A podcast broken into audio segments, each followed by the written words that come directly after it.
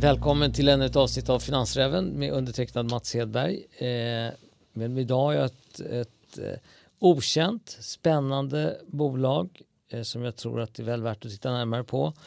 Eh, jag hälsar vd Erik Jonux välkommen. Tusen tack, trevligt att vara här. Bolaget heter Ecobot som sagt och du heter Erik Jonux. Kan du berätta några ord om respektive?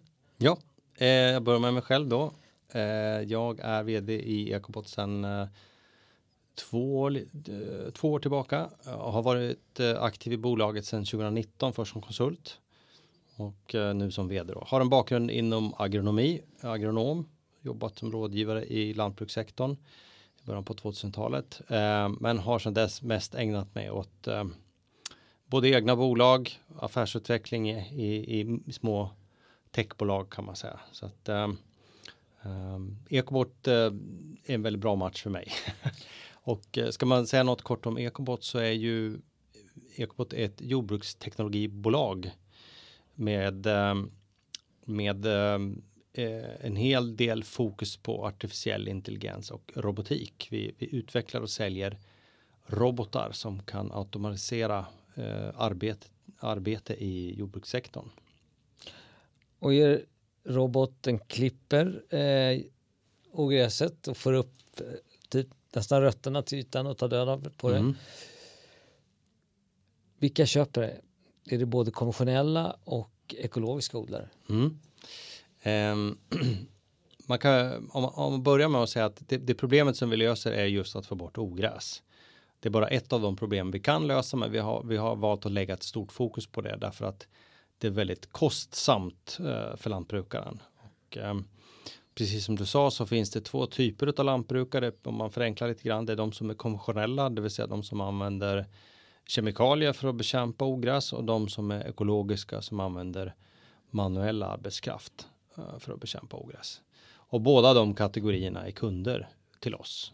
Eh, den ena eh, kategorin, de konventionella, kommer att bli av med sina bekämpningsmedel inom två till fem år. Därför de håller på att regleras bort av framförallt EU. Um, och de ekologiska odlarna har, de, de brottas med att uh, anställa uh, säsongsarbetskraft för att lösa det här problemet. Så, så, de är också väldigt angelägna att investera i, i ny teknologi. Om man då sitter där som lantbrukare, odlare och funderar på ska jag investera i en ekobot eller inte? Hur ser eh, kostnad intäkter ut mm. för den som gör det? Um, om man sätter det då i en kontext så kan man säga att um, våra robotar för kunden kostar ungefär en miljon kronor. Och um, det är för ett treårskontrakt på roboten. Då. Och det är över de tre åren? Det, det är alltså en miljon fördelat över 36 mm. månader.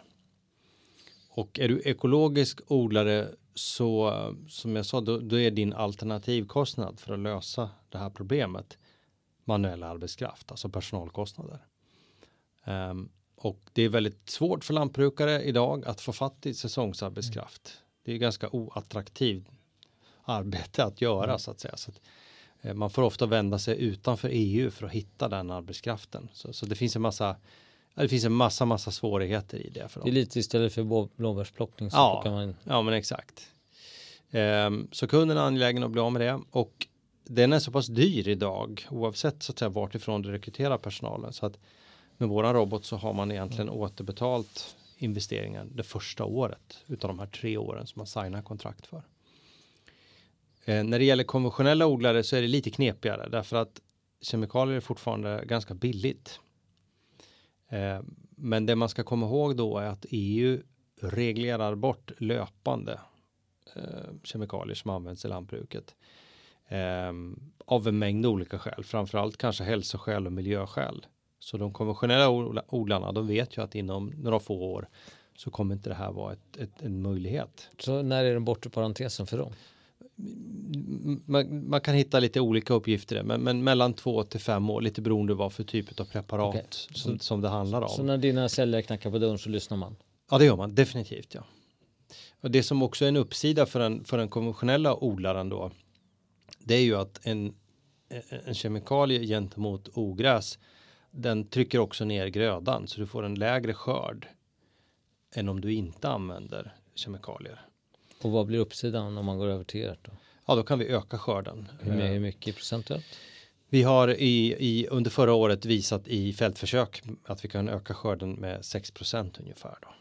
Men det är ganska mycket eh, om man antar att det här är en lite grann en lågmarginal business. Det är väldigt mycket och det är 6% för en lantbrukare. Då hajar de till. Oj, är det så mycket? Så finns en, så finns en uppsida till och det är att en, eh, nu ska vi inte nörda ner oss för mycket, men en, en, en gröda som har blivit behandlad med ett kemiskt preparat har ofta en något sämre lagringsduglighet än en gröda som inte har blivit det. Eh, och det betyder att om du till exempel odlar grönsaker som lök och morötter så, så vet du att mellan den tiden att jag skördar grödan och den tiden att jag levererar den till, till detaljhandeln eller uppköpare så kommer jag ha lagringsförluster. Här har vi indikativa resultat på att även där så, så, så medför våran teknologi minskade lagringsförluster. Så att det, det bygger liksom på här då med, med, en, med en förbättrad marginal. Ehm, och jag ser att inom inom två till fem år så kommer de flesta konventionella odlare behöva gjort en, en teknologiförändring på grund av det här. Det låter ju som det är lite av en no-brainer att köpa från er. Mm. Eh, och du säger att man lyssnar på er. Hur upplever du intresset och vilka marknader är ni på idag? Mm. Vi har fokuserat på Sverige, Nederländerna och nu också Danmark. Och. Sverige och Nederländerna så jobbar vi med direktförsäljning med, med, med egna säljare så att säga. Mm. Ehm, och i Danmark så, så är eh, målsättningen att under det här året teckna ett avtal med, med distributör. Och, och, vi har intresse från distributörer som själva hör av sig. Så, så där vet vi att, att intresset är, är stort. Och det bemötande som vi får från kunden är ju att det är alltid intressant att prata. Um, och ehm, um, Um, må många vill ju gärna pröva och sen ska skala upp helt enkelt investeringen då. Men, men det är sällan som, eller nästan aldrig skulle jag säga som kunder säger, men det där är inte för mig. Det där kommer inte ske, utan eh, de, de flesta är väldigt intresserade. Hittills har ni inte omsatt särskilt mycket, men eh, vad säger dina säljare och du om orderboken inför i år och inför 2024, 2025? Mm. I år är ju Ehm, jag ska inte kalla det för mellanår, men vi har ju valt att eh, sätta de befintliga robotar som vi har i kundkontrakt och att innan året är slut så ska vi ha ungefär 20 eh, kontrakt signerade för leverans 2024. Okej, okay, så det här är lite grann året när det sker på riktigt kommersialiser ja. det är kommersialiseringsåret, kan man säga det? Ja, precis. Så att den här emissionen som vi genomförde har ju till syfte att um, och den var på 27 miljoner? Precis. Och övertecknades? Ja, den övertecknades. Det, det är ju till för att vi ska um, effektivisera produktionen och få ner tillverkningskostnaden. Och um, då har vi under förra året och även året därför identifierat ett antal konstruktionsförändringar som måste till. Så det är därför det är lite av ett mellanår att vi, vi, vi satsar på att ha en mycket mer mogen produkt till 2024 leveransen då. Um, men um, jag tycker det känns, eh, det kän, jag känner mig liksom konfident med att vi ska komma i mål med den här, med de här försäljningsmålen som vi har och det är ju, det är ju det viktigaste måltalet vi har just nu. Det, det är mycket, mycket större fokus på marknad och säljen på R&D arbete som, som har varit ett stort fokus tidigare. Produkten är relativt färdigutvecklad. Man, man gör alltid liksom justeringar. Så mm. Men som investerare kanske man funderar på två saker. Finns det nummer ett då, då hur ser IP ut? Finns mm. det några varumärkesskydd på något sätt? Ja, enkelt beskrivet så har vi ett europeiskt varumärkesskydd för, för varumärket Ecobot då såklart. Men sen har vi patent. Vi har ett metodpatent som är som är eh, godkänt och eh, det är ju för mjukvaran då kan man säga styr, styrningen av eh, robotsens eh, verktygssystem och eh, kamerasystem.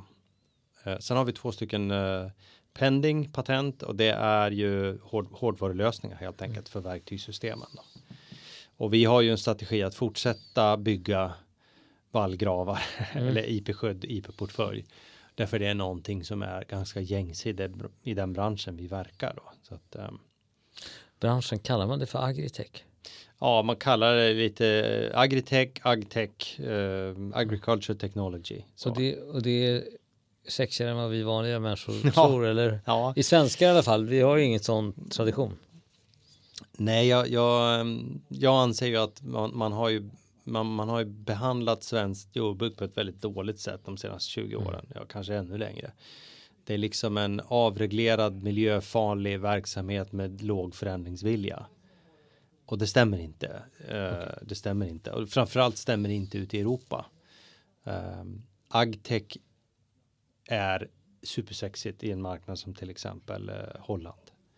Du, om vi hoppar bara lite grann. Du, du nämnde ju eh, emissionen, nyemissionen. Mm. Och då fick ni, och i höstas så fick ni in en stor holländsk ägare om jag kommer mm. ihåg rätt. Mm. Eh, kan du nämna någonting om dem? För de, det är ju lite, lite grann ett kvitto på vad, vad i alla fall de tror mm. om mm. bolaget. Ja men det gör jag gärna. Det är någonting som vi har jobbat ett tag på kan man säga, hitta den typen av Och de kom in via en riktad emission? De kom in via en riktad emission. Eh, tyvärr så var det ju vi, bolagsvärdet för lågt. Vi hade ju önskat, de hade ju kunnat gå in på med mycket mera pengar, men, men vi hade liksom inte möjlighet givet bolagsvärde och så. Men lite kort om, om, om ägarna då. De är, det är ett holländskt bolag som heter Navus Ventures. Navus Ventures är um, Leli Industries eller Leli familjens investeringsarm då och Leli är den holländska motsvarigheten till Delaval eller Alfa Laval fast mm. större. Så de har lång och gedigen erfarenhet inom jordbruksteknologi, hårdvara, eh, bygga serviceorganisation. De säljer ju mycket mjölkrobotar och, och, och saker kopplat till det. Eh, så, så en, en, en, en riktig, eh, en riktigt, riktigt bra ägare, smarta pengar mycket nätverk som vi kan dra nytta av. Alltså, de går in i er, ni är ett litet listat bolag. Eh, de kan inte ta så himla mycket aktier för då späs alla ut. Mm. Um, ställer de upp med kreditlinjer och så till er? Ja, framförallt så tog de ju sin andel prorata och dubbla nu mm. på våran företrädesemission. Mm. Så att de är ju, idag har de ju lite drygt 17 procent ägande av bolaget mm. då. Så, så det är väl värt att notera. Så de har ju, de har ju så att gått, gått in med ytterligare pengar sedan den riktade emissionen då. Men, men vi har ju dem så att säga som, som faktiskt operativ speaking partner. De är väldigt engagerade i bolaget. Så, Bidrar de till försäljningen? Nere i ja, de, de, vi har inga liksom upparbetade försäljningskanaler via dem, men de vet vem man ska prata med. Ja. Så att säga. Så att, eh, de, de, det blir varma dem, kontakter. Med dem på ägarlistan så har man en trygghet som köpare antar jag. Ja, så, så är det ju. Ja, definitivt. Ja. När vi, och, och samma sak i, när vi pratar prata med, med, med leverantörer och, och um, underleverantörer och sådär. Så att då nämner man, nämner man i förbifarten att by the way vi har Leli som ägare så då blir det en annan jargong. De är otroligt starka som, som varumärke i den här branschen. Så att, uh, det är vi otroligt glada över. Det blir många spår för det är så, så intressant. Men jag tänker, kommer ni behöva göra ytterligare runder? Ja, om jag ska svara på det på ett eh, korrekt sätt eh, så, så kan man säga så här att den kollega i branschen som vi nog kanske mest imponerade av. Eh, det är ett danskt bolag som heter Farmdroid. De är idag fullinvesterade och de har 300 ungefär enheter ute, robotenheter. Och de var lönsamma förra året. Så det, det eh, om, det, det, det, korta svaret är att jo, men um, um, det är inte så långt fram tills att man kan se svarta siffror, men vi är inte riktigt där än. Men kommer de här 27 miljonerna ta er till kassaflödespositivt, eh, en kassaflödespositiv verksamhet? Det bedömer jag inte. Okej, okay. det här kommer inte du svara på, men när jag tittar på det utifrån så låter det som att med en sån huvudägare eh, om de märker att det här lyfter kommer de lägga ett bud på bolaget.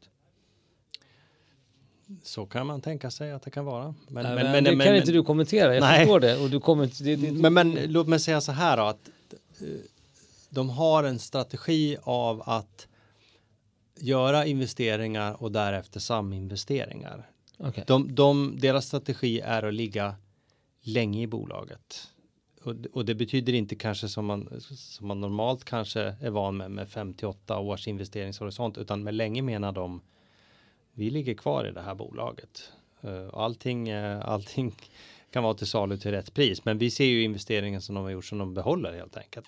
Tillsammans med, med nya Ja, ännu för Om starkare de tycker att ni är strategiskt intressanta så Mm. är det här inga pengar för ett sånt. Nej, nej, nej, nej, det är det ju inte. Det är det inte. Ehm, de måste ju tycka att det är rea på grejerna. Ja, det kan jag säga. Ja, om allt går som du vill då, vad, vad är Ecobot om fem år? Ja, vi, ehm, vi har ju ambitionen att bli ett av de absolut främsta bolagen i Europa i den här nischen.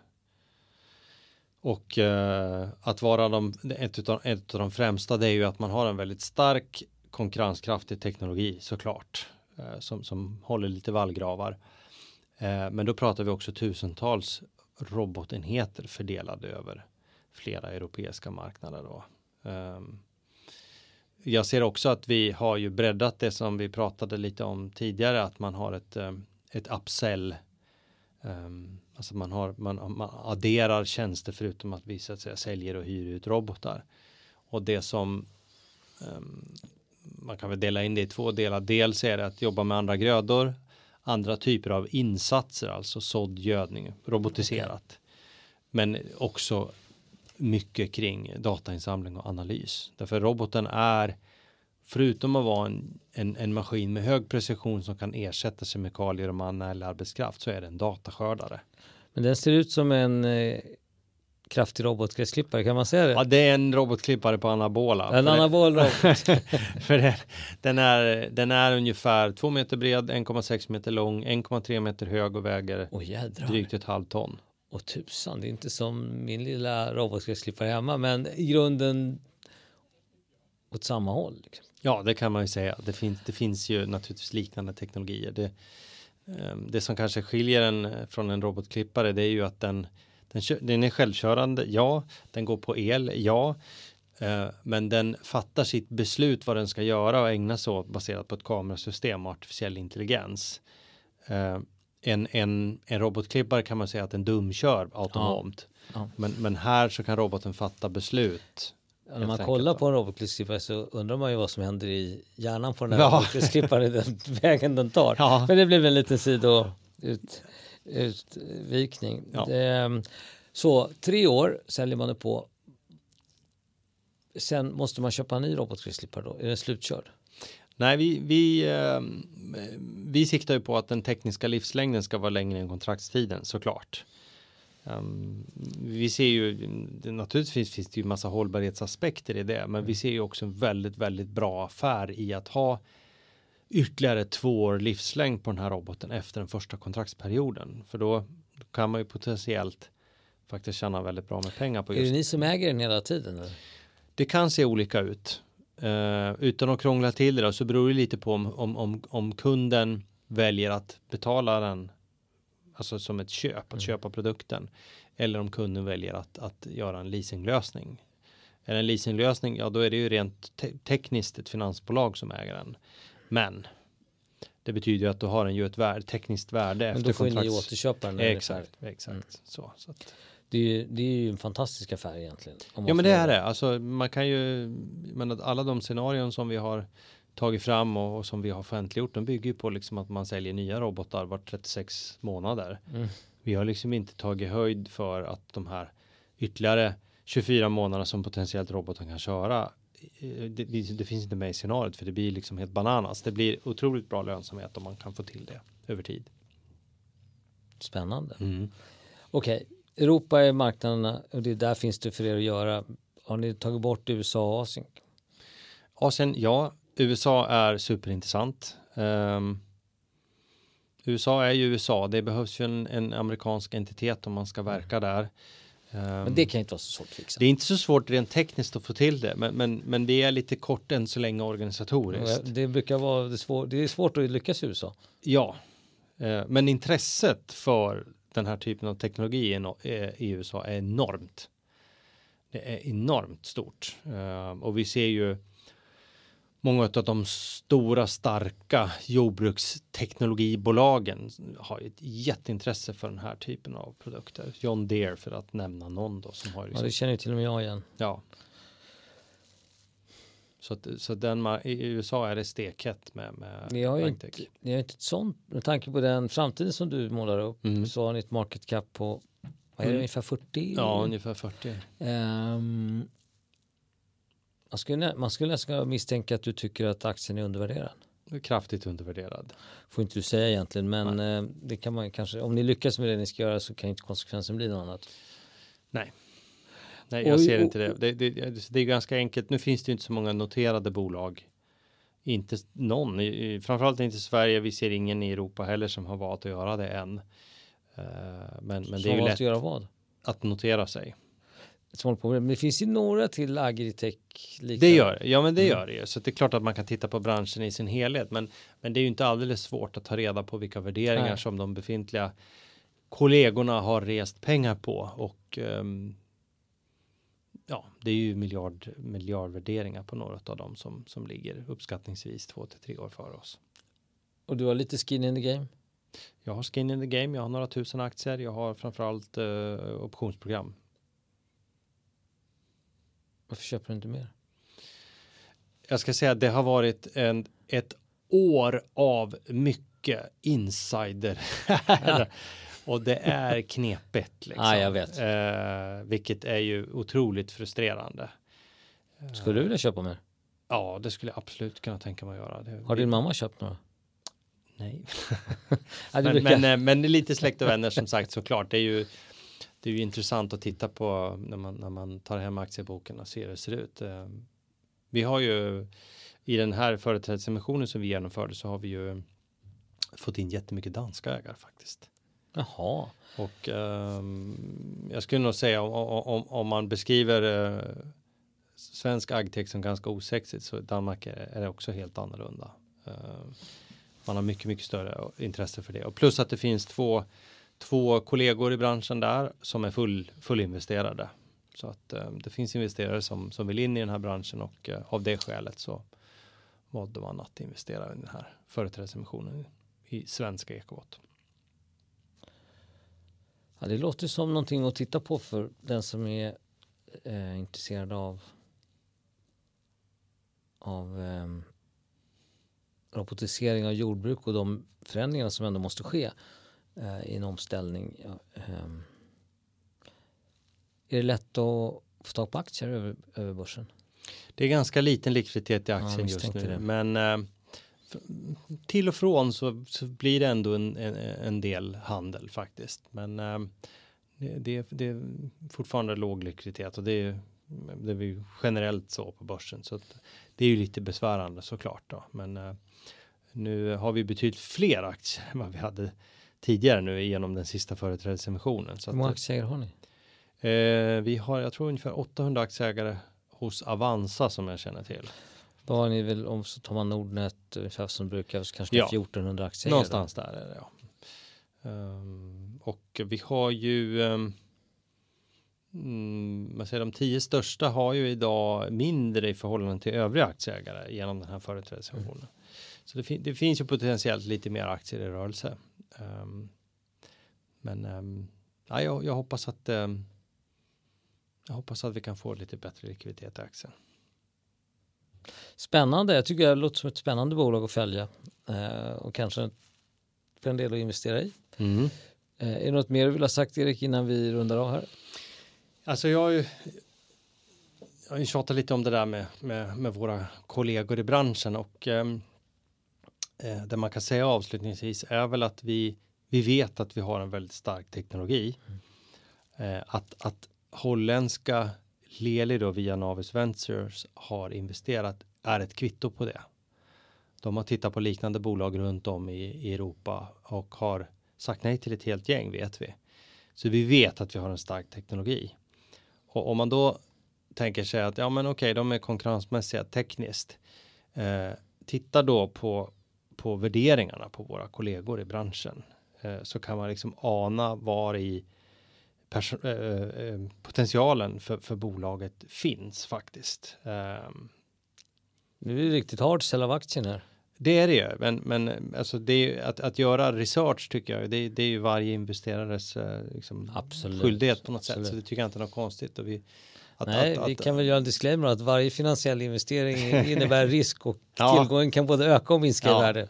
Nej, men jag, jag brinner för den här sektorn och jag tycker att eh, jag tror också faktiskt foodtech har ju varit starkt mm. under en period. Det tror jag många som, som liksom har sett. Men det är många som har bränt sig. Det är många som har bränt sig och, och jag, jag, tror och jag, jag hoppas. Likna, jag skulle inte vilja likna nej. din verksamhet vid foodtech. Nej, nej, nej, det vill jag inte göra. Det vill jag absolut inte göra, utan det det handlar om är att jag tror att agtech har framtiden för sig. Klart den har. Vi måste ju göra någonting åt Vi det måste göra någonting. Och, och, och även foodtech har ju ändå visat att konsumenten vill ha förändringar. Ja. Och, och eh, nu har vi dessutom både strukturella förändringar via det legala och eh, det juridiska, mm. regulatoriska och sen så har man då stora kostnadsbesparingar på de som inte är ansatta av det utan det vill säga de som är på ekoodling. Mm. För ja. dem är det så mycket pengar i potten så att ja, det låter ju som stjärnorna börjar stå rätt i kurs för er. Ja, men jag, jag, jag känner det. Uh, jag tycker vi har uh, vi har positionerat oss bra. Det finns ju naturligtvis mer saker att önska.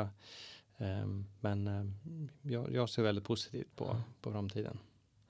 Bra. Vi önskar dig lycka till här på Finansräven. Tusen tack. Tack, tack för att du kom hit.